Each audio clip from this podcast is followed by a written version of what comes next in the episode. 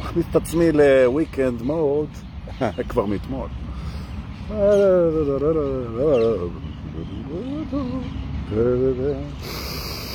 השילוב הזה, תדעו לכם, השילוב הזה של מנגינה מוזרה סתם,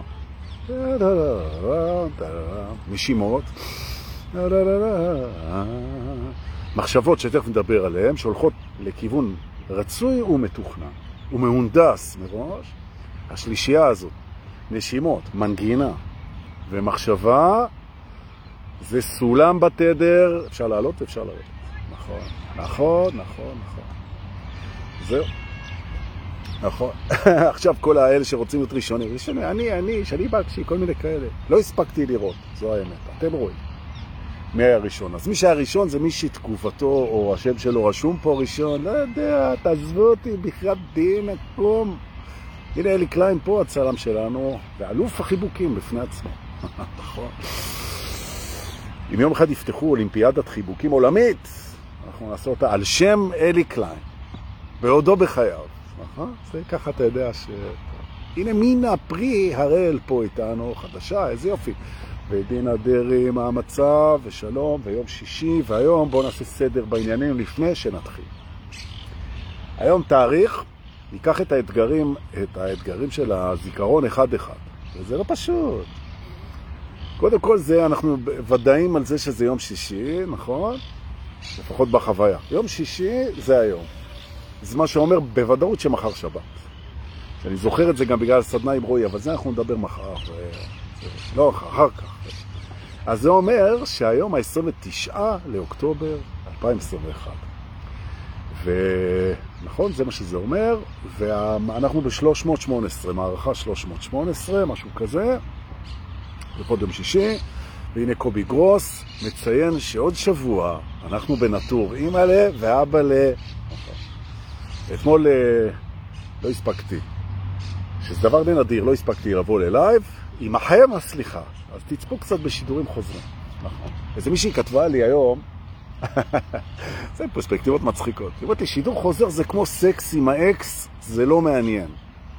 אני חולק עליה, על כל מה שהיא אמרה.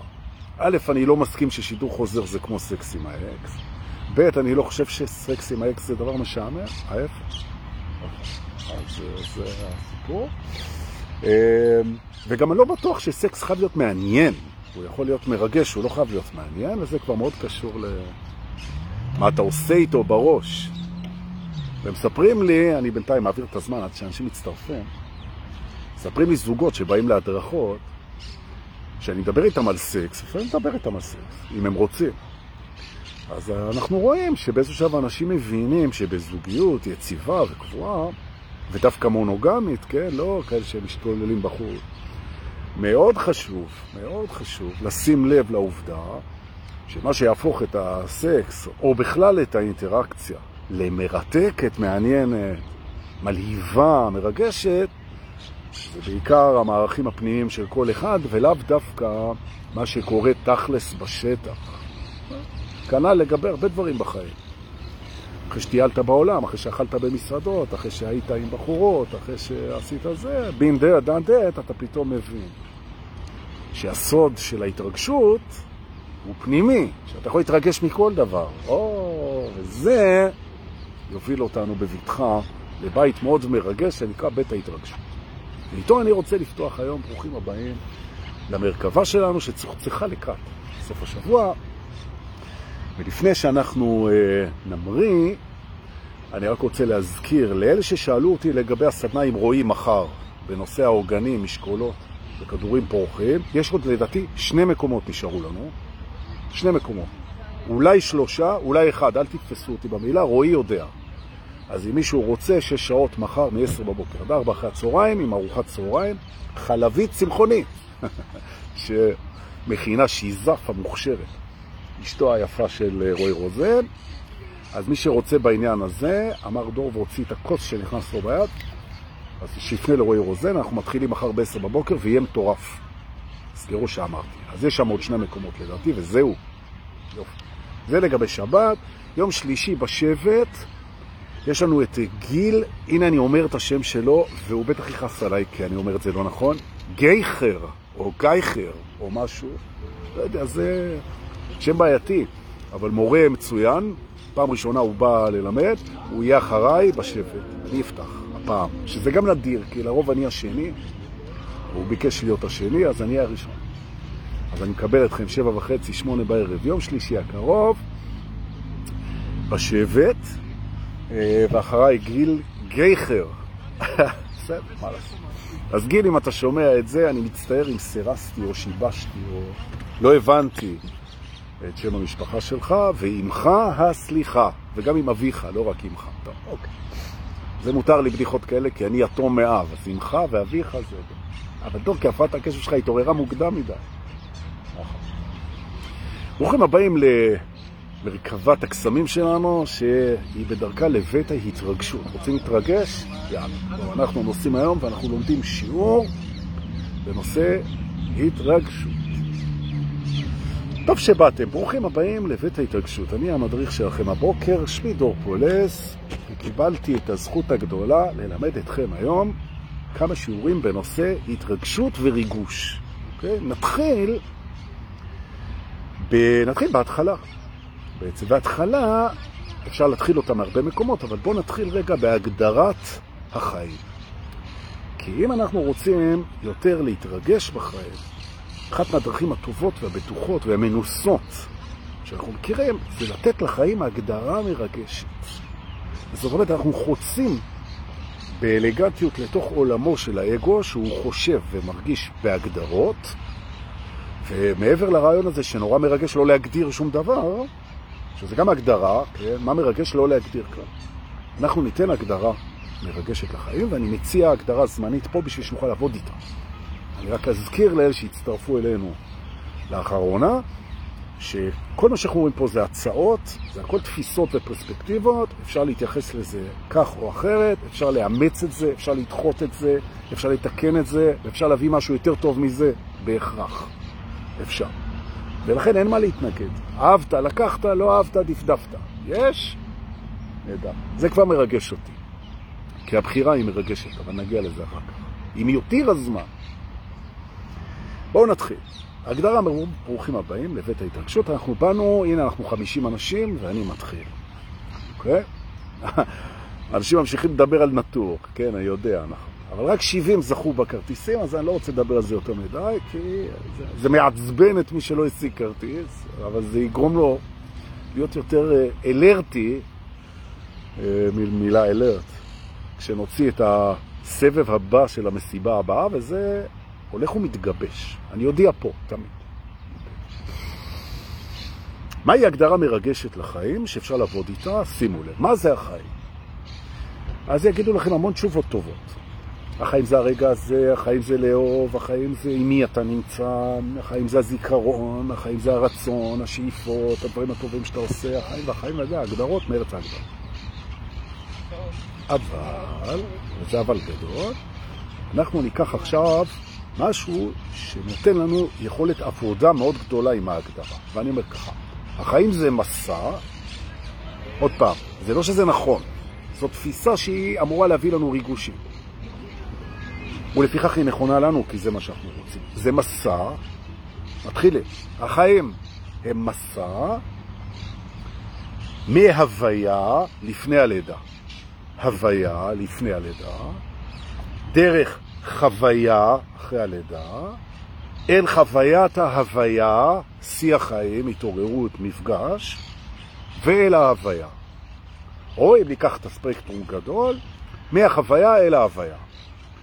אבל אנחנו לוקחים את הספקטרום יותר נקודתי, מההוויה לפני הלידה, אל החוויה שבחיים, אל חוויית ההוויה בתוך החיים, בשאיפה ואל ההוויה. Okay? אוקיי? סיום החוויה וחזרה הביתה אל ההוויה, שאנחנו בעצם לא מסוגלים בעצם להכיל את ההוויה כי היא אינסופית, אנחנו לגמרי מסוגלים פה בממד הקסום הזה שנברא עבורנו לחוות בצורה חלקית ולא ממש אמינה את ההוויה, את האהבה, את הרגע הזה, את האלוהים, את עצמנו, את הנצח וכל מה שאנחנו רוצים, את הבריאה. Okay. אוקיי? ההגדרה הזאת, יש בה שני כוחות חזקים לגבי ההתרגשות שלנו. אחד זה שהמסע הזה, מההוויה דרך חוויה אל חוויית ההוויה, המסע הזה הוא קודם כל ב-DNA של ההגדרה שלנו. זה אומר שאנחנו יכולים לפרק כל רגע ורגע לפי הדבר הזה, תכף נעשה את זה פה ביחד. אז בעצם יש לנו בכל סיטואציה את זה. תכף אני אראה את זה. אז יש לנו מסע כזה. מהוויה לחוויה לחוויית ההוויה להוויה בכל רגע, זה דבר ראשון שאנחנו יכולים לעשות עם הדבר הזה. והדבר שני זה לפרק שכבות ולשאול בכל רגע מה פה חוויה, מה פה הוויה ומה פה חוויית ההוויה. כאילו, לפרק את זה, וזה נורא מרגש. זה נורא מרגש, ממש ככה. כי למשל, אם תשאלו את עצמכם את השאלה הפופולרית שהאגו שואל את עצמו כל הזמן, מי אני? מי אני? מי אני? ויש לכם מלא תשובות בשביל זה, והתשובה שאני מחפש היא תשובה מרגשת, לאו דווקא התשובה הנכונה מוויקיפדיה. כן, מי אני? אוקיי. אוקיי. אז מי אני? אני זה שחווה מסע מהוויה דרך הוויה חזרה להוויה. הוויה, חוויה, הוויה. ואני חווה אותו גם עכשיו. זה מי שאני. יפה. מה בי הוויה ומה בי חוויית ההוויה. אוקיי? יש בי גם הוויה, הווה, נצח, אלוהות, כרגע, שזה תמיד, ומה בי החוויה של הדבר הזה. אוקיי? עכשיו, מה בי החוויה של הדבר הזה, אני יודע. זה הזיכרון שלי. הזיכרון הוא מכיל את החוויה שאני פוגש את ההוויה, וההוויה היא הכל. הכל, מה שנקרא, הכל נעשה בדברו. נכון? זה לא טקסט דתי. אז אם בעצם ההוויה היא הכל, הכל, אין סוף, הכל, הכל, הכל, והיא אחד, okay? אוקיי? אז אנחנו מכירים את זה. החוויה מצריכה שניים, נכון? כי אם הכל אור, אז לא תהיה חוויה. אם הכל דג לא יודע מה זה מים, סינגולריות, יחידניות. זה לא הופך לחוויה. מתי משהו יחידני יכול להיות חווייתי? כשמשווים אותו למשהו. אבל איך אנחנו נשווה את ההוויה למשהו כשהכל זה הוויה? אז בעצם אנחנו לא יכולים לייצר חוויה, נכון? ופה הגיע הבורא ועשה תרגיל, נכון? הוא עשה תרגיל, הוא ברא אשליה, הוא הפריד את האור מהחושך, כן? הוא הפריד את השמיים מהארץ, הוא הפריד את הנצח מהזמן, הוא הפריד אותנו מכל השאר, הוא הפריד, הוא הפריד. עכשיו, למעשה ההפרדה היא לא אמיתית, אבל זה לא מעניין אותנו, כי היא מאפשרת את החוויה, והחוויה מאוד מעניינת אותנו. אז קודם כל, כדי להתרגש, זה זמן טוב לנשום ולפתוח לייב של התרגשות היום. אנחנו נתרגש פה ביחד מהרבה דברים, ובואו נתחיל להתרגש מהטריק המדהים שהבורא, וזה לא משנה מי זה הבורא הזה. זה לא אכפת לי כאילו מה אתם חושבים עליו ואיך אתם מגדירים אותו, זה במילא לא נכון. אנחנו זוכרים שהוא ברא לנו את האפשרות לחוות, זאת אומרת, כל החוויות, כל החוויות שחווינו ונחווה ואנחנו חווים כרגע, זה בזכות אותו רגע שהבורא באשר הוא החליט לברוא את ההשוואה, את הפיצול, את, ה... את ההפרדה. נכון? אז בואו נגיד לזה תודה, דבר ראשון. נגיד תודה לרגע הזה, כי זה נתן לנו את כל החוויות, ממש. והכי יפה זה שזה גם נתן לנו את החוויה של לעמוד פה, לשבת ולהגיד תודה. להודות זה נורא כיף, כי זה משמח גם את חוויית ההודיה, הוא ברא בכך שהוא הפריד, הכל מופרד, הכל מופרד. עכשיו, כשאנחנו נולדים, בעצם, כשאנחנו נולדים, אז החוויות שלנו הן תוצאה של ההפרדה הזאת, וכשאנחנו מתים, בעצם ההפרדה מסתיימת. ואנחנו כבר לא יודעים, כי לדעת ולחוות זה אותו דבר, הידע נפתח בהפרדה בין דברים, והוא נגמר כשאתה חוזר הביתה אל האחד. אוקיי? וזה מקסים המסע הזה. זה מקסים. עכשיו, המסע הזה הוא מסע עם סוף ידוע מראש. הסוף הוא כשאתה חוזר להוויה. נכון? אל הנצח, אל הדבר הזה, שאתה לא יכול לחשוב אותו ולא יכול לחוות אותו. כי לחוות זה שניים, ואתה חוזר אל האחד. אתה אין, זה רק האחד הזה. זה מסע מאוד מרגש. עכשיו, מה הכי מרגש פה? ומה הכי שמרגש פה זה המפגש שלנו עם ההוויה ברמה שאנחנו חווים את זה. שיש לכם רגעים שאתם חווים את אלוהים, לא משנה מהו, בתוך החוויה אתה אומר, וואו, זה אלוהי. כמה פעמים בחיים יצאתם מאיזה קונצרט של להקת קווין, או מאיזה אה, טיול בקניונים של אריזונה, או איפשהו, ואמרת, שואלים אותך, how was it? אז אתה אומר, איך זה היה? אתה אומר, it was divine, זה היה אלוהי. אבל זה היה אלוהי בחוויה. אתה שומע פתאום איזה זמרת כזאת, איזה מרינה מקסימיליאן כזאת, שפותחת מבער בתוך הגרון שלה, ואימא לב ואבא לב. יש שם אלוהים בתוך הדבר הזה, ממש. נכון? עכשיו, כל אחד מאיתנו הוא מיוחד ושונה בדרכו, נכון? ולפיכך החוויות האלוהיות שלו הן שונות, ואנשים מתחילים להתווכח. זה אלוהי, זה לא אלוהי, זה יפה, זה בסדר. נכון? difference of opinions. אבל מה זה משנה? נכון? כי הרי הכל זה אלוהי. רק החוויה היא סובייקטיבית. חלק מהדברים, אתה פוגש בהם אלוהות ומתרגש. למשל, אתה פתאום רואה איזשהו עץ, איזשהו הר, איזשהו מישהו, איזושהי מוזיקה, איזשהו ציור, איזושהי יצירה, איזשהו משהו, ואתה אומר, אימא'לה, אני מרגיש את זה. Can you feel it? התרגשתי, הרגשתי פה, יש פה משהו מעבר, יש פה, וואו, יש פה איזה השראה, יש פה איזה, אימא'לה. ומישהו שעומד לידך אומר, אז סתם, לא, לא רואה פה שום דבר בלוקו. מי צודק? אין פה צודק. חוויית המפגש עם ההוויה, סלש אלוהות, סלש נצח, היא סובייקטיבית, לכן יש חוויה. נכון. עכשיו, כל הרעיון בחיים זה להתרגש. אחרי זה שמה באנו לפה? זה להתרגש. אם זה לא מרגש, אז זה לא ממש מעניין, כאילו, בסדר, מעניין את הראש. חידה, תופעה, סקרנות, ידע, לימודים, צמיחה, זה יופי, זה חשוב, זה נהדר, זה מאוד. מה זה לעומת התרגשות? עכשיו הבן שלך הולך לצבא, והולך לשירות, צבאי, ומודיעים לך מה שכל אבא לא רוצה לשמוע, שמכניסים את הבן ללבנון או משהו כזה. הבן הלך, לא יודע, לגולני, או הלך תותחנים, לא יודע לאן הוא הלך.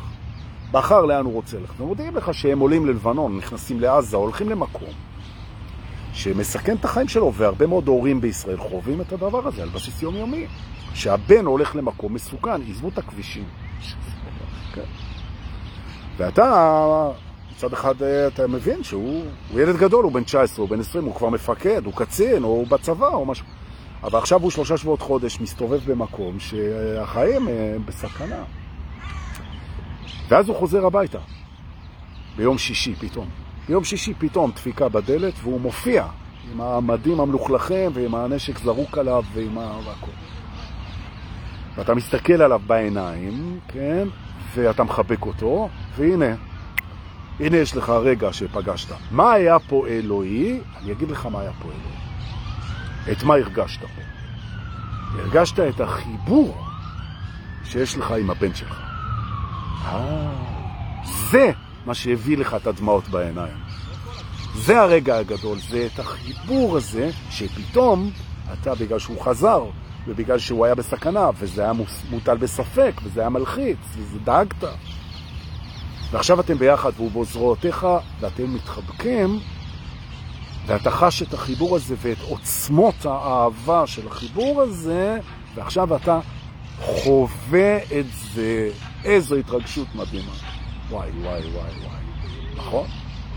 אז מה התובנה? שהחיבור הוא דבר נורא מרגש. נכון? אבל כדי שחיבור ירגש, אנחנו צריכים לבצע ניתוק. כי אם היה יושב בבית לידך, ליד הטלוויזיה, ומפצח פיסטוק שמי או חלבי, תלוי, ומבלבל לך את המוח כל היום, אז כשהוא היה מופיע בדלת, כשהוא חוזר עם כפכפים מהמקולת, החיבור לא היה כאילו הוא חזר עכשיו מהצבא חודש, נכון? גם הוא מופיע בדד. זה פחות מרגש. עכשיו הנה, במקום ללכת לצבא, הוא ויתר על זה, והוא יושב כל היום בבית עם פיג'מה, והוא מדי פעם מתכפכף לו מלשון כפכפים. למכולת קונה קצת פיצוחים ובירה, וחוזר. כשהוא פותח את הדלת, אתה לא נופל לזרועותיו זאת, אבל אתה, החיבור אותו חיבור. מה קרה כאן? אה, למה ההתרגשות במקרה א' היא גבוהה, זה, ואותו הבן הוא בחר במסלול אחר והוא נמצא כל הזמן, ופחות מרגש, החיבור, אתה אוהב אותו, אותו דבר. נכון. כי ההתרגשות היא בנויה על החיבור, והחיבור הוא בנוי על ההפרדה.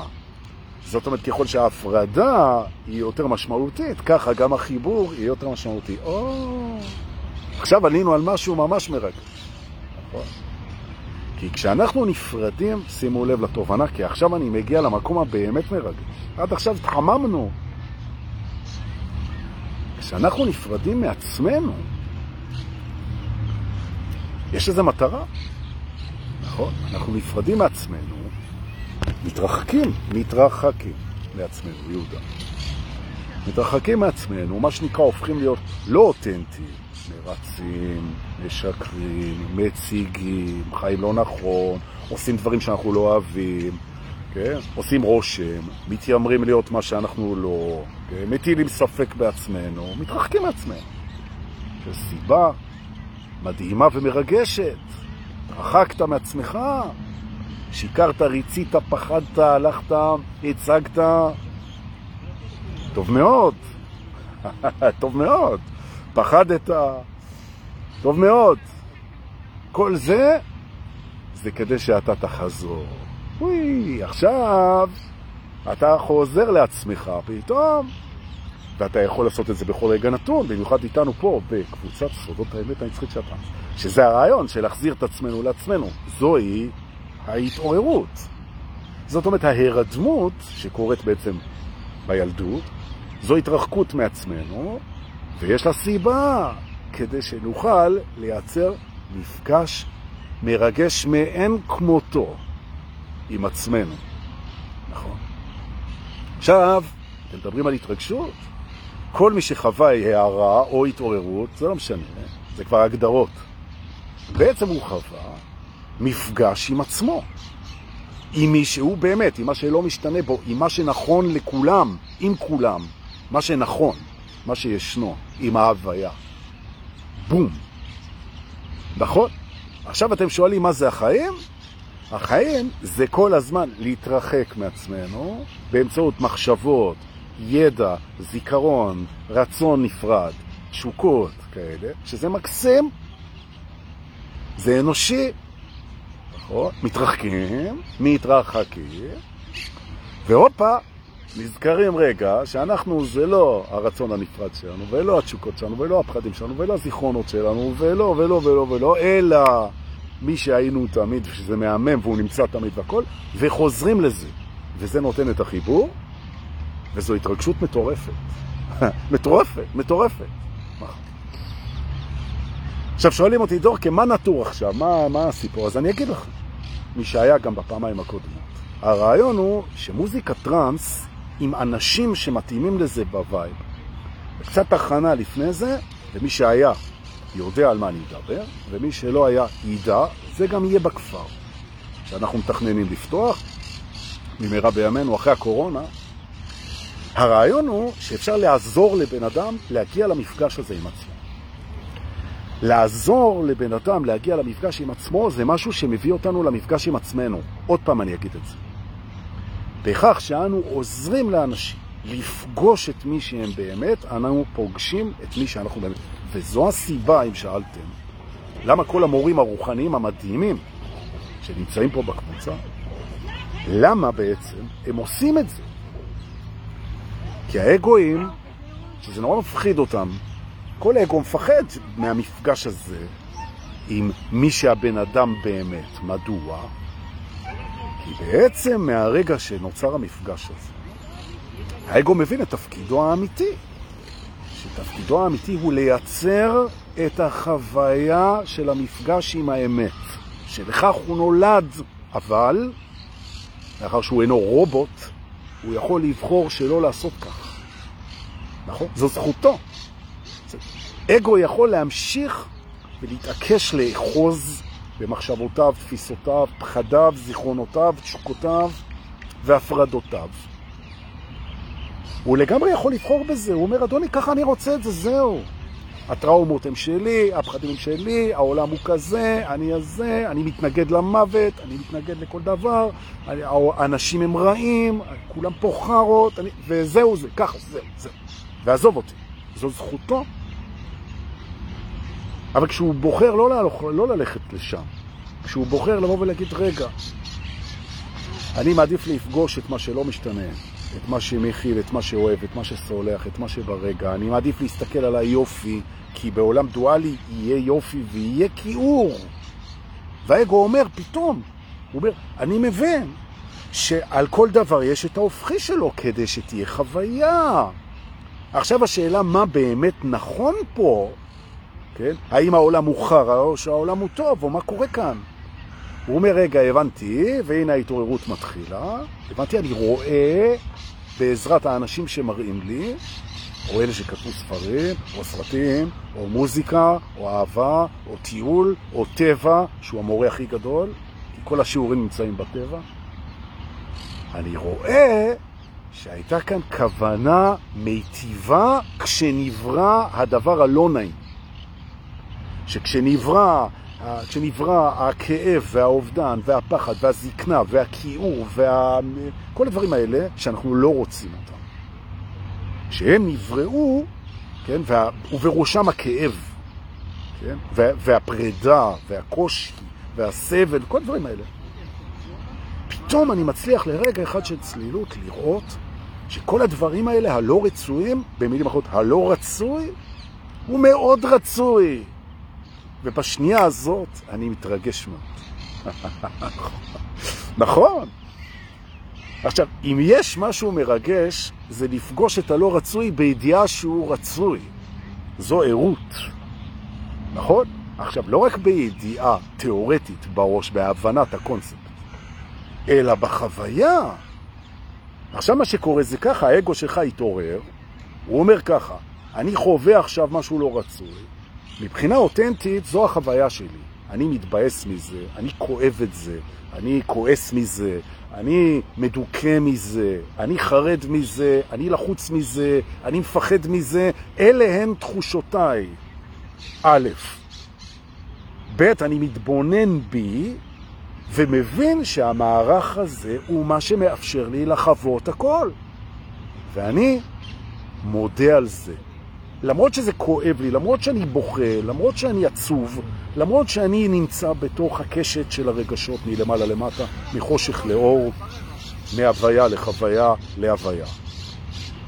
אני מתבונן בזה, אני נותן מקום לכל התחושות שלי, לכולן, עד הנמוכה ביותר ועד הגבוהה ביותר, פותח את כל הקשת, מתבונן בזה ואומר על זה תודה על הכל, וזה, גבירותיי ורבותיי יקרים, אחים ואחיות אהובים. זה מרגש בטירוף. זה מרגש בטירוף. נכון. זו ההתרגשות אמיתית. נכון. עכשיו, להתרגשות הזאת יש אה, מה שנקרא, אומרים בנהרות יובלים, יש לזה, יש לזה התפצלויות.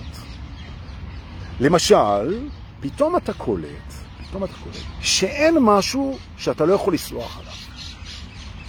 שמי שהוא נוסע בתוך מסלול ההתעוררות, הוא פתאום קולט את זה, שאין משהו שאי אפשר לסלוח עליו. אין, אין. שאין דבר כזה ש, שאי אפשר לסלוח.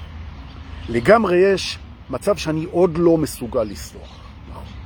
שאני עוד לא רואה איך אני סולח. זה יש, נכון. שנכון. אבל מצב ש, שזה בלתי אפשרי להביא סליחה, כשבעצם הכוונה בדואליות היא טהורה לגמרי, ואז אתה קולט למה אומרים שאין אנשים רעים, רק אנשים שרע להם. נכון. שהכל נעשה בדברו בעצם, שגם אנשים שפוגעים הם חלק מתוך איזה משחק, נכון, ושהכל ראוי לסליחה. ופה האגו עומד על הרגליים האחוריות שלהם. ממש, ממש, האגואים הם, במיוחד מי שנפגע, והרבה אנשים נפגעו. או מי שחווה פגיעה ביקרים לו, קשה לו מאוד לשחרר את האשמה. ולא משנה שהוא כבר לא מי שהיה ושהזמן עבר ושהוא מתפתח, אבל יום אחד, אמן היום, הוא פתאום קולט את זה. הוא פתאום קולט את זה. שמה שקרה לא קרה באמת, הוא קרה בתוך בריאה שהיא דמיונית לגמרי.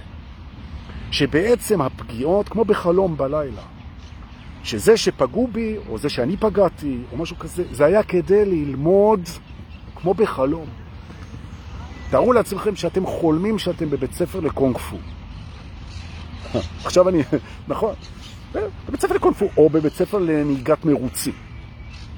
וכל הלילה זה נראה כמו 40 שנה שאתם לומדים קונג פו ונהיגת מרוצי. ובמהלך החלום הזה של 40 שנה, זמן חלום, אתם התרסקתם עשרות פעמים וחטפתם מכות שהשטן לא המציא, והייתם בבתי חולים והשתקפתם. ולקראת שש וחצי בבוקר, כשאתם קמים לעשות פיפי, כבר למדתם בחלום לנהוג מכונית מרוץ ולהיות מאסטרים בקונג פו, חבל על הזמן. והנה התעוררתם. ועכשיו נשאלת השאלה, בהנחה שאתם נכנסים עכשיו למכונית מרוץ ונוסעים מדהים, ונכנסים לקרב של קונג פו ואתם אלופים, האם המחירים ששילמתם בחלום, כל הבתי חולים וינקו וזה, היו שווים את זה שעכשיו אתם יודעים קונג פו ואתם יודעים לנסוע במכונית ולנהוג אותה כמו נהגי מרוץ מיומנים. כשכל הנזקים וכל המכוניות שהרסתם וכל המכות שחטפתם, זה הכל היה בחלום. והעבר הוא חלום. זה מאוד מרגש. דורקה, מה אתה רוצה להגיד לי? אני יודע, אני בעצמי איבדתי את אבא שלי שהייתי בן שלוש וחצי. זה כואב נורא. אתה רוצה להגיד לי שזה לא קרה באמת? יש תמונות. אתה יתום, אל תבלבל את המוח. מה, אתה בורח מהכאב? ממש לא, ההפך. הכאב הזה מלמד אותי כמה אנחנו יודעים לאהוב. נכון? נכון. וכמה חשוב לאהוב עכשיו. נכון? ואם אנחנו רוצים את החוויה עד סופה, תרתי משמע. אז אנחנו צריכים לשחרר את הפחד מהאובדן.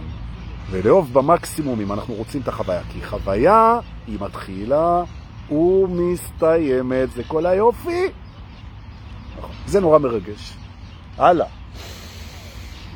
הלאה. יש עוד משהו נורא מרגש. ממש, ממש. זה להגיד מה אתה רוצה. לא לדרוש את זה.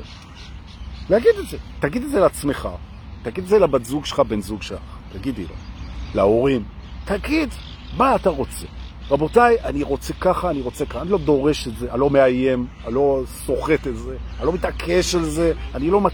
לא תולה בזה את אושרי. ובשל כך אני יכול להגיד מה אני רוצה. אני רוצה ש... אני רוצה ש... זה מה שאני רוצה. למשל, כן? בא אליי איזה מישהו לפני איזה שבועיים לסשן, הוא יושב איתי, הוא אומר לי, אני רוצה שאשתי תדבר איתי ברכות. והיא מדברת איתי כאילו היא המפקדת שלי בצבא. אמרתי לו, אתה אמרת לה מה אתה רוצה? הוא אומר, מה פתאום? אתה יודע מה היא תעשה אם אני אגיד לה? אני אומר לו, איך היא אמורה לדעת?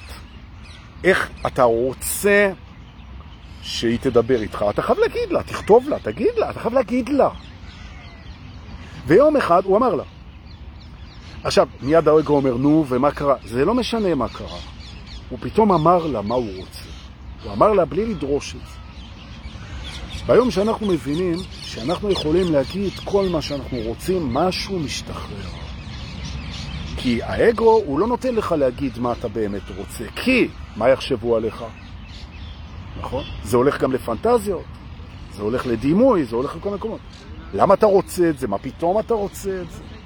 כן. כל אלה שמגלים בגיל 35 שהם הומואים, כן, אם הם היו אומרים מה הם רוצים, הוא אומר, אני רוצה לגוע בגבר, הוא אומר, בגיל 19. אז הוא אומר, זה היה פותר את כל ה... כל אה, מחשכי, ה... כל מחשכי הארון של ה... אוקיי. מה אתה רוצה? תגיד, מה אתה רוצה? עכשיו, האגו אומר, רגע, רצונו של אדם, אומר האגו, רצונו, תשלימו אתם. רצונו של אדם כבודו. אימא'לה, כבודו, כבודו. עכשיו, כן, עדות המזרח. הכבוד. אה! נכון. עכשיו, לכם יש אוכל שכל האשכנזים מקנים, תדעו לכם, חבריי, אהוביי, בני עדות המזרח, אנחנו מקנאים באוכל שגדלתם עליו. קנאה עזה. אתם יכולים לקנות בנו, אנחנו אין לנו אישו עם כבוד. נכון. רצונו של אדם כבודו. אז מה אם זה כבודו? שיחליף את זה. עכשיו אומר, האגו, הוא אומר, זה הרצון שלי, זה הכבוד שלי. אם אני אגיד מה שאני רוצה וזה לא יקרה, זו השפלה. נכון? ובגלל ההשפלה הזאת המון אנשים סובלים. הם לא מעיזים להגיד, אני רוצה לעזוב את העבודה, אני רוצה יותר יחס, אני רוצה, אני רוצה, אני רוצה. כי אם זה לא יקרה, אז השפילו אותם. נכון? וזאת טעות אנרגטית מדהימה. ויום אחד אתה אומר, רבק, זה שאני מביע את רצוני, שזה רצוני אגב, להביע אותו, זה לא לחייב את הסביבה לשום דבר. זה לא פוגע בי כשאני אומר מה אני רוצה, ומקסימום זה לא קורה. מה יש? נכון? ואז אתה מתחיל להגיד מה אתה באמת רוצה, לעצמך ולסביבה שלך ולאלוהים. וזה נורא מרגש, כי אתה פתאום מגלה למה באת לפה. נכון, כי מה שאתה באמת רוצה, ולא העזת, זה להביא את המתנות המיוחדות שלך באהבה לסביבה שלך, ולא העזת, לא העזת, אולי לא תצליח, אולי לא יאהבו את זה, אולי לא יאהבו אותך, ופתאום אתה אומר את זה. אתה נהיה הרצון האותנטי שלך בביטוי מלא, בלי מחויבות לבצע, להשיג, להתממש. הרצון עומד בזכות עצמו, הרצון הנפרד. וואי. כי מה שהתממש זה נקודות החיבור בין הרצון הנפרד שלך לרצון של הבורא, כאותו מסלול. נכון, הוא מקשיב ואתה מקשיב. מה אכפת לך להגיד מה אתה רוצה? 50 אחוז מהטיפולים הזוגיים שהעברתי בחיים שלי, 50 אחוז, הצליחו בנקודה הזאת, בנקודה הזאת, לא בכל הטיפול, בנקודה הזאת, כשאנשים פתאום העזו להגיד לבן זוג שלהם מה הם באמת רוצים, בלי לדרוש את זה, בלי ובלי לפחד, שזה לא יתממש. וזה מדהים, אתה עושה את זה עם עצמך, ואתה עושה את זה בזוגיות. תגיד מה אתה רוצה, בלי לדרוש את זה, ובלי לפחד שזה לא יתממש. ומדוע, ומדוע, מדוע, ומדוע, מדוע שאתה תפחד שזה לא יתממש, אני אגיד לך. כי האגו שלך תולה את אושרו ושמחתו בהתממשות רצונו. והנה אנחנו עוברים לתובנה הבאה. בהתעוררות אנחנו קולטים שרווחתנו ושמחתנו ואושרנו היא, היא לא קשורה בהתממשות רצוננו. לא, היא קשורה ביכולת שלנו לקבל ולהעדיף את הרגע ולראות את האהבה שנמצאת בו ולהגיד על זה תודה, וזה תמיד אנחנו יכולים. נכון? ולא בהשגת רצוננו, מה שעושה שני דברים. אחד, זה מאפשר לנו לשמוח כל הזמן, לפעמים להרגיש את זה ולפעמים לא, בגלל הדואליות, אבל לשמוח כל הזמן ולהגיד תודה כל הזמן. שתיים, זה משחרר את הרצון מהצורך להשיג כל הזמן כדי להיות מאושר, ואז הוא יכול לרצות בלי להשיג, וזה פותח אותו. וזה, גבירותיי ורבותיי, רגע מרגש מאוד מאוד בחיים. שחררת את הרצון שלך לחופשי, את הרצון הנפרד שלך, שחררת אותו. לחופשי, הוא יכול להגיד מה שהוא רוצה, נכון? אז יש אנשים שפתאום אומרים, וואי, אתה יודע מה אני רוצה? אני רוצה לחיות באלסקה. אוקיי, אתה עם ארבעה ילדים בקריית גת, אתה כנראה לא תחיה באלסקה, אבל אני גיליתי שאני רוצה את זה, אוקיי? וזה יופי, נכון? עכשיו האגו אומר, נו, מה זה עזר לך? אתה רוצה ואתה לא יכול. עכשיו אתה משווה חיים באלסקה, חיים בקריית גת, ואתה מתבאס שלא השגת את רצונך. לא. אני שואל, למה אני רוצה לחיות באלסקה? ופה מתחילה הדרכה כבר. אתה רוצה לחיות באלסקה? כן. למה? אתה חובב קור? לא, דווקא זה לא בגלל הקור. אתה חובב שלג, לכן אתה רוצה לחיות באלסקה, לא. אז מה בעצם, למה אתה רוצה לחיות באלסקה? בגלל השקט. אה, אתה רוצה בעצם לחיות באלסקה, כי מבחינתך אלסקה זה להיות, לחיות בשקט. אז מה שאתה מבקש זה שקט, נכון? אז בוא נבדוק מה מרעיש לך. ומכאן אנחנו נלך אל האלסקה הפנימית שבתוכנו ונמצא לך את השקט, כי ההתרגשות הגדולה מכולן היא לגלות שאין עולם בחוץ, זה הכל בפנים, וכל מה שאתה מחפש בחוץ זה מה שאתה לא הצלחת למצוא בפנים. תמצא את זה בפנים, אתה לא צריך את זה בחוץ. וזה שלך לנצח, נצח, נצח, נצח. מרגש, נכון? אה, זה יופי. זה היה ביקור קצר, וממש ממש לא מספק, כן? אבל זה בסדר, אנחנו לא עבדים של הסיפוק. בבית ההתרגשות, ותדעו לכם שאנחנו יכולים להתרגש מכל רגע, ולו רק בכך שנהיה בו מי שאנחנו. אתה רוצה להתרגש מהרגע הזה? תהיה מי שאתה באמת. מדוע? כי מי שאתה באמת, אין לו שום בעיה עם זה שהרגע הזה הוא זמני, אין לו שום בעיה עם זה. נכון? לא, בכלל אין לו בעיה עם הזמניות. מה אכפת לי שדברים מתחילים ומסתיימים? אני רוצה את זה ככה. ביטאתי את הרצון. אחד. שתיים, מי שאתה באמת מצליח לראות את האהבה בכל דבר, זה נורא מרגש. גם ההצלחה וגם האהבה. מדהים. מי שאתה באמת רואה שהוא מחובר להכל תמיד, שאין לבד ואין בדידות ואין כלום בתוך הרגע, וואו. מי שאתה באמת נמצא בהודעה אינסופית, נכון, על הכל, ממש, ממש אתה רואה את זה. זה נורא מרגש. זה נורא מרגש. עכשיו, אי אפשר להתרגש כל הזמן כי זה חוויה, וזה מאוד מרגש כשאתה לא מתרגש. אתה אומר, יו, אני רואה את כל הדברים האלה, ואני לא מצליח להתרגש. טוב מאוד, כי אתה עכשיו בדואליות. עכשיו אתה בצד של הלא מתרגש, כדי לאפשר את ההתרגשות הבאה שלך. ההכרה בזה, שזה שעכשיו לא טוב לי, לא נעים לי, אני לא מתרגש, לא רואה, לא שם לב, לא שמח, זה כדי לאפשר את זה שזה כן יקרה ככה, זה נורא, נורא מרגש. זה גאוני. גאונות הבריאה המרגשת בהתחשב בזה שאנחנו חלק מזה. מדהים. טוב, זה היה ביקור בבית ה... לכבוד יום שישי. יופי. הבית הבא שאני רוצה, בוא ננשום, בוא ננשום. אה, נכון. אה, עכשיו הראש הנודניק שלי, הוא אומר לי, אתה יצאת מוקדם מדי. לא החזקת את ההתרגשות שלך, פליטה מוקדמת, כן? premature ejaculation. אז בואו נחזור רגע, דבר שלא עשינו בדרך כלל, בואו נסוב על עקבנו, נאכזב את הכרכרה, מרכבה, ונחזור לבית ההתרגשות. יש עוד משהו שהוא נורא נורא מרגש שאני רוצה להגיד, ותתרגלו את זה. כשאתה מרגש מישהו, אתה מתרגש, לפי כל חוקי היקום. כשאתה מרגש מישהו, אתה מתרגש. אתם רוצים להתרגש, זה הכי כיף בעולם. תרגשו. עכשיו, מה מרגש אנשים? אחד, זה שרואים אותם כמו שהם באמת. שתיים, כשאוהבים אותם בלי שהם דורשים מהם להשתנות. זה מרגש. שלוש, שנותנים להם באמת משהו מהלב. או שנותנים להם לתת משהו מהלב. נכון. זה מרגש אותם, נכון. ממש, אבל. חיבוק מרגש הרבה אנשים, תחבקו.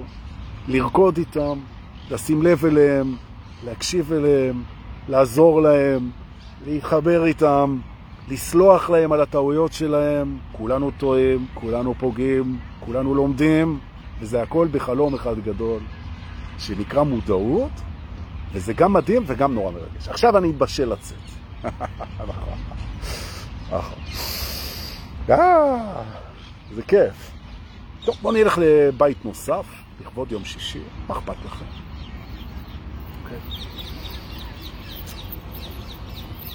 וזה בתוך בית אה, מערכות היחסים, אנחנו ניסע לבית מערכות היחסים, כדי לדבר בעצם, ואנחנו בדרך עכשיו, לבית מערכות היחסים, הכוונה היא לדבר על מערכת היחסים הדומה מאוד, בין הבורא אלינו, כמו בינינו לבין האגו שלנו. זה הרעיון, לשם אנחנו נוסעים, בית מערכות היחסים, בעצם איזושהי הקבלה שאנחנו נעשה פה, עם תובנות, בין מערכת היחסים בין הבורא אלינו, בינינו לבין האגו שלנו. זה הרעיון. ברוכים הבאים לבית מערכות היחסים. אוקיי. בתפיסה של האגו, תובנה ראשונה, טוב שבאת, רגע, בוא ננשום טוב, כי אתה דוחס, רועי רוזן אומר לך, תפסיק לדחוס ותיתן לאנשים לנשום. אז תנשמו. ואותם עשרים ומשהו מסכנים שיהיו מחר בסדנה שלי ושל רועי רוזן, יש עוד שני מקומות. מחר, שבת בבוקר, השלושים לחודש, בגבעת נילי, אני מתכוון להתפרע ולדחוס בלי הכרה. ראו, זרתם ולא אכפת לי, רועי. אני... אני טוב, אני... זה, ביטאתי את רצוני. זה שזה לא יקרה, זה כי הוא בעצם מנהל את העניינים. יפה. וטוב שכך. נכון. האגו, שהוא מקסים, כמו כל דבר שנברא, הוא מקסים, הוא נזיר הבריאה בעצם. האגו. הוא נורא נורא מקסים ונורא נורא חשוב, הוא סתם יצא לו מוניטין רע בעיני עצמו. כן. צריך לחזק אותו. אבל האגו, הוא משתמש בגילאים מוקדמים במיוחדות שלו, וכל אגו הוא נורא מיוחד. גם את, גם אני, גם אתה, גם כולם. כל אחד ואחד מאיתנו הוא ייחודי ביקום. באמת. בדברים מסוימים, וזהה ליקום בדברים אחרים, ודברים אחרים יש רק בממד הזה. כמו שאנחנו יודעים, והידע הוא לא אמיתי. אבל מה זה אומר במהות? במהות זה אומר שהאגו משתמש במיוחדות שלו, שהוא נראה אחרת, שהוא חושב אחרת, שהוא מבין אחרת, שיש לו מתנות אחרות, כישרונות אחרים, דעה אחרת, זיכרון אחר. באחרות שלו, במיוחדות שלו, בייחודיות שלו, כדי להפריד את עצמו מהסביבה. נכון? עכשיו, כשהאגו מתפתח, הוא מגיע לצמתים. בהתחלה בגילאי 3-4 ואחרי זה בגילאי 10, הוא מגיע לצמתים שבהם הוא שואל את עצמו מה הוא עושה עם המיוחדות שלו, מה הוא עושה איתה. הוא מגלה שככל שהוא מביא את המיוחדות שלה לידי ביטוי, בעצם, זה באמת יכול גם להפריד אותו, שזה מה שהאגו רוצה, להפריד אותו מכל השאר. למשל, הדעות שלו. או הזיכרונות שלו, או הטראומות שלו, הפחדים שלו, העדפות שלו, הטעמים שלו, הכישרון, זה שלי ורק שלי. אחרי זה זה מתבטא בחוץ. האופניים שלי, חשבון הבנק שלי, החברה שלי, המשפחה שלי, שלי, שלי, החופשה שלי, הזמן שלי, המשאבים שלי, ואחרי זה, אם הוא לא מתעורר, אז הוא מתחיל לגונן על זה. וזה השלב שעליו אנחנו רוצים לדבר, שהאגו פורס סביב השלי שלו, כן, הוא פורס מערכות הגנה. ואתם פגשתם את זה, קל לראות את זה אצל ההורים שלנו, שהם, אתה בא להסביר לו, לאבא או לאמא, שהוא לא רואה את הדברים נכון. הוא רואה את הדברים בצורה מסוימת, אפשר לראות את זה אחרת. ההורה אומר לך, תקשיב, לא משנה שאתה בן 30 כבר, הוא אומר לך, תקשיב, אתה טועה, אני רואה את זה נכון ואתה רואה את זה לא נכון. או במילים אחרות, האגו מתבצר במיוחדותו. זה לא רק שלי, אלא גם המחשבות שלי והדעות שלי והתפיסות שלי הן אמת. ועל הדבר הזה אני רוצה לדבר פה עכשיו. עכשיו, אנחנו בתוך מסלול ההתעוררות, וכולכם מדריכים רוחניים בכל מיני מצבים בחיים. אנחנו כבר יודעים שאין דבר כזה מחשבה נכונה, ואין דבר כזה פרספקטיבה נכונה, ואין דבר כזה תפיסה נכונה. כל דעה, תפיסה ומחשבה באה לשרת את זה שאוחז בה, זאת מחשבה, דעה ותפיסה, והיא לא בהכרח נכונה. אוקיי? אבל בואו נניח אותה רגע, שאנחנו, המחשבות שלנו והדעות שלנו והתפיסות שלנו, הן אמורות לשרת אותן. אם הן לא משרתות אותן, אנחנו נחליף אותן. פתאום אתה מגלה אגואים, אתה מגלה את זה בהתחלה בסביבה, ואחרי זה אתה מגלה את זה אצל עצמך, או אם אתה בר מזל, קודם אצלך ואחר כך בסביבה, לא משנה, כי זה משתכר. שאתה מחזיק בדעות, מחשבות ודברים שלא, משמש, שלא משרת אותך בכלל, זה רק מפריד אותך. אתה רואה את הדברים אחרת, אין בעיה, אבל זה לא עושה לך טוב, וגם לא עושה לאחרים טוב. אתה בא למסיבה, כולם נהנים, בעיניך זה מסיבה, אתה מסתכל, אתה אומר, מה זה האנשים האלה, איזה חר, חר המוזיקה, הכל רע מאוד והכל. עכשיו, על טעם ועל ריח אין להתווכח, נכון, על טעם ועל ריח אין להתווכח, אבל השאלה אם זה משרת אותך. זה הסיפור. עכשיו אתה פה במסיבה עם החברים שלך שש שעות, הגעת איתם ואתה תצא איתם, במכונית אחת, ועכשיו אתה עסוק במה לא טוב פה. נכון, זה מפריד אותך מהחברים שלך שהם מאוד נהנים כרגע, איזה יופי, אבל זה לא משרת אותך. זאת אומרת, אבל לא יכול לשנות את זה. אתה כן יכול לשנות את זה, כי אתה מעביר, הנה התובנה, אתה מעביר את קו המחשבה שלך לשני מקומות חדשים. ולכך אנחנו התכנסנו פה. זה נכון גם במערכת היחסים בין הבורא אליך וגם איתך עם האגו שלך. תכף. הדבר הראשון שאתה עושה עם התפיסה שלא משרתת אותך, אבל מייחדת אותך, מפרידה אותך אנרגטית, אתה נזכר שלהפרדה, שאתה מפריד את עצמך, לא משנה איך, להפרדה, יש מטרה מה שאנחנו אוהבים לקרוא בסדנאות שלנו, נפרדות מודעת. אין לי בעיה שאתה תפריד את עצמך בכל דרך שאתה רוצה. אין בעיה. רק תזכור שהנפרדות לא עומדת בזכות עצמה. אתה יכול להפריד את עצמך ולהמשיך משם למשהו שבלי הנפרדות הזאת לא היה יכול לקרות. או במילים אחרות, הנפרדות שלך יכולה לאפשר משהו שאם לא היית עושה אותה, לא היה מתאפשר. קוראים לזה מצנת הנפרדות המודעת. תן דוגמה. אתה בחרת לראות שהאנשים ברחבה, במסיבה, או במקום העבודה, או בכל מקום שאתה עושה, לא באים לך טוב עכשיו בעין, למרות שהרבה אנשים אומרים שכן, ואתה מדיר את רגליך מן הרחבה והולך החוצה ומסתובב. זה הפריד אותך עכשיו מהכלל, נכון? אתה תגלה שכשאתה נפרדת מהדבר הזה ואתה הולך הצידה, אתה יכול לגלות שיש אנשים שהם מסתובבים בשוליים והם צריכים עזרה. עכשיו, אתה לא היית מגיע לעזור להם אם אתה היית מוצא שהרחבה היא נהדרת והיית רוקד שם עם כולם. וזה שאתה נפרדת, זה מאפשר לך עכשיו לעזור לאלה שנמצאים לא איפה שהיית. ובכך בעצם הפכת את המחשבות המפרידות שלך למשהו שמייצר מיקום חדש שמאפשר אהבה. אני מסכם את הראשון. אם אתה כבר מפריד את עצמך, תזכור שהנפרדות הזאת תביא אהבה. אוקיי? עכשיו אם נסתכל על זה ברמה האלוהית, אומר דבר כזה, יש דברים שאתה ממש טוב בהם ויש דברים שאתה לא טוב בהם. יש דברים שאתה אוהב לעשות, יש דברים שאתה לא אוהב לעשות, אוקיי? אתה שונה מאחר. זה פסיפס. זה דווקא טוב מאוד שאתה מופרד בספציפיקציה שלך בדברים האלה. זה יאפשר לך להביא את המתנות המיוחדות שלך במקום הנכון, שאם לא היית נפרד ולא היית מזהה ולא זה, זה לא היה קורה. או במילים אחרות, אנחנו לא עוצרים בנפרדות, אלא באיזה מתנות היא מאפשרת לתת. ובשנייה הזאת הנפרדות המודעת הופכת לחיבור, כי נתת באמצעות הנפרדות המודעת, נתת מתנה ייחודית, ובכך התחברת חזרה. מה שנקרא פולס. נתת פולס של חיבור, נכון? והנה התאזנת על ידי המיוחדות שלך. נכון. זאת אומרת, בעצם מה אנחנו מבינים פה? אנחנו מבינים שכשאנחנו מסתכלים על אנשים שהם נפרדים, בדעות שלהם, בכעסים שלהם, בטראומות שלהם, בפחדים שלהם, בכישרונות שלהם, לא רוצים לדבר, סכיזואידים, פסיכופטים, כן? כל הזויים, נוודים, בודדים, נטושים, קלושים, כולם, אנחנו צריכים לזכור שהם בדרך, בעצם, הם בדרך להפוך את הנפרדות שלהם למתנה.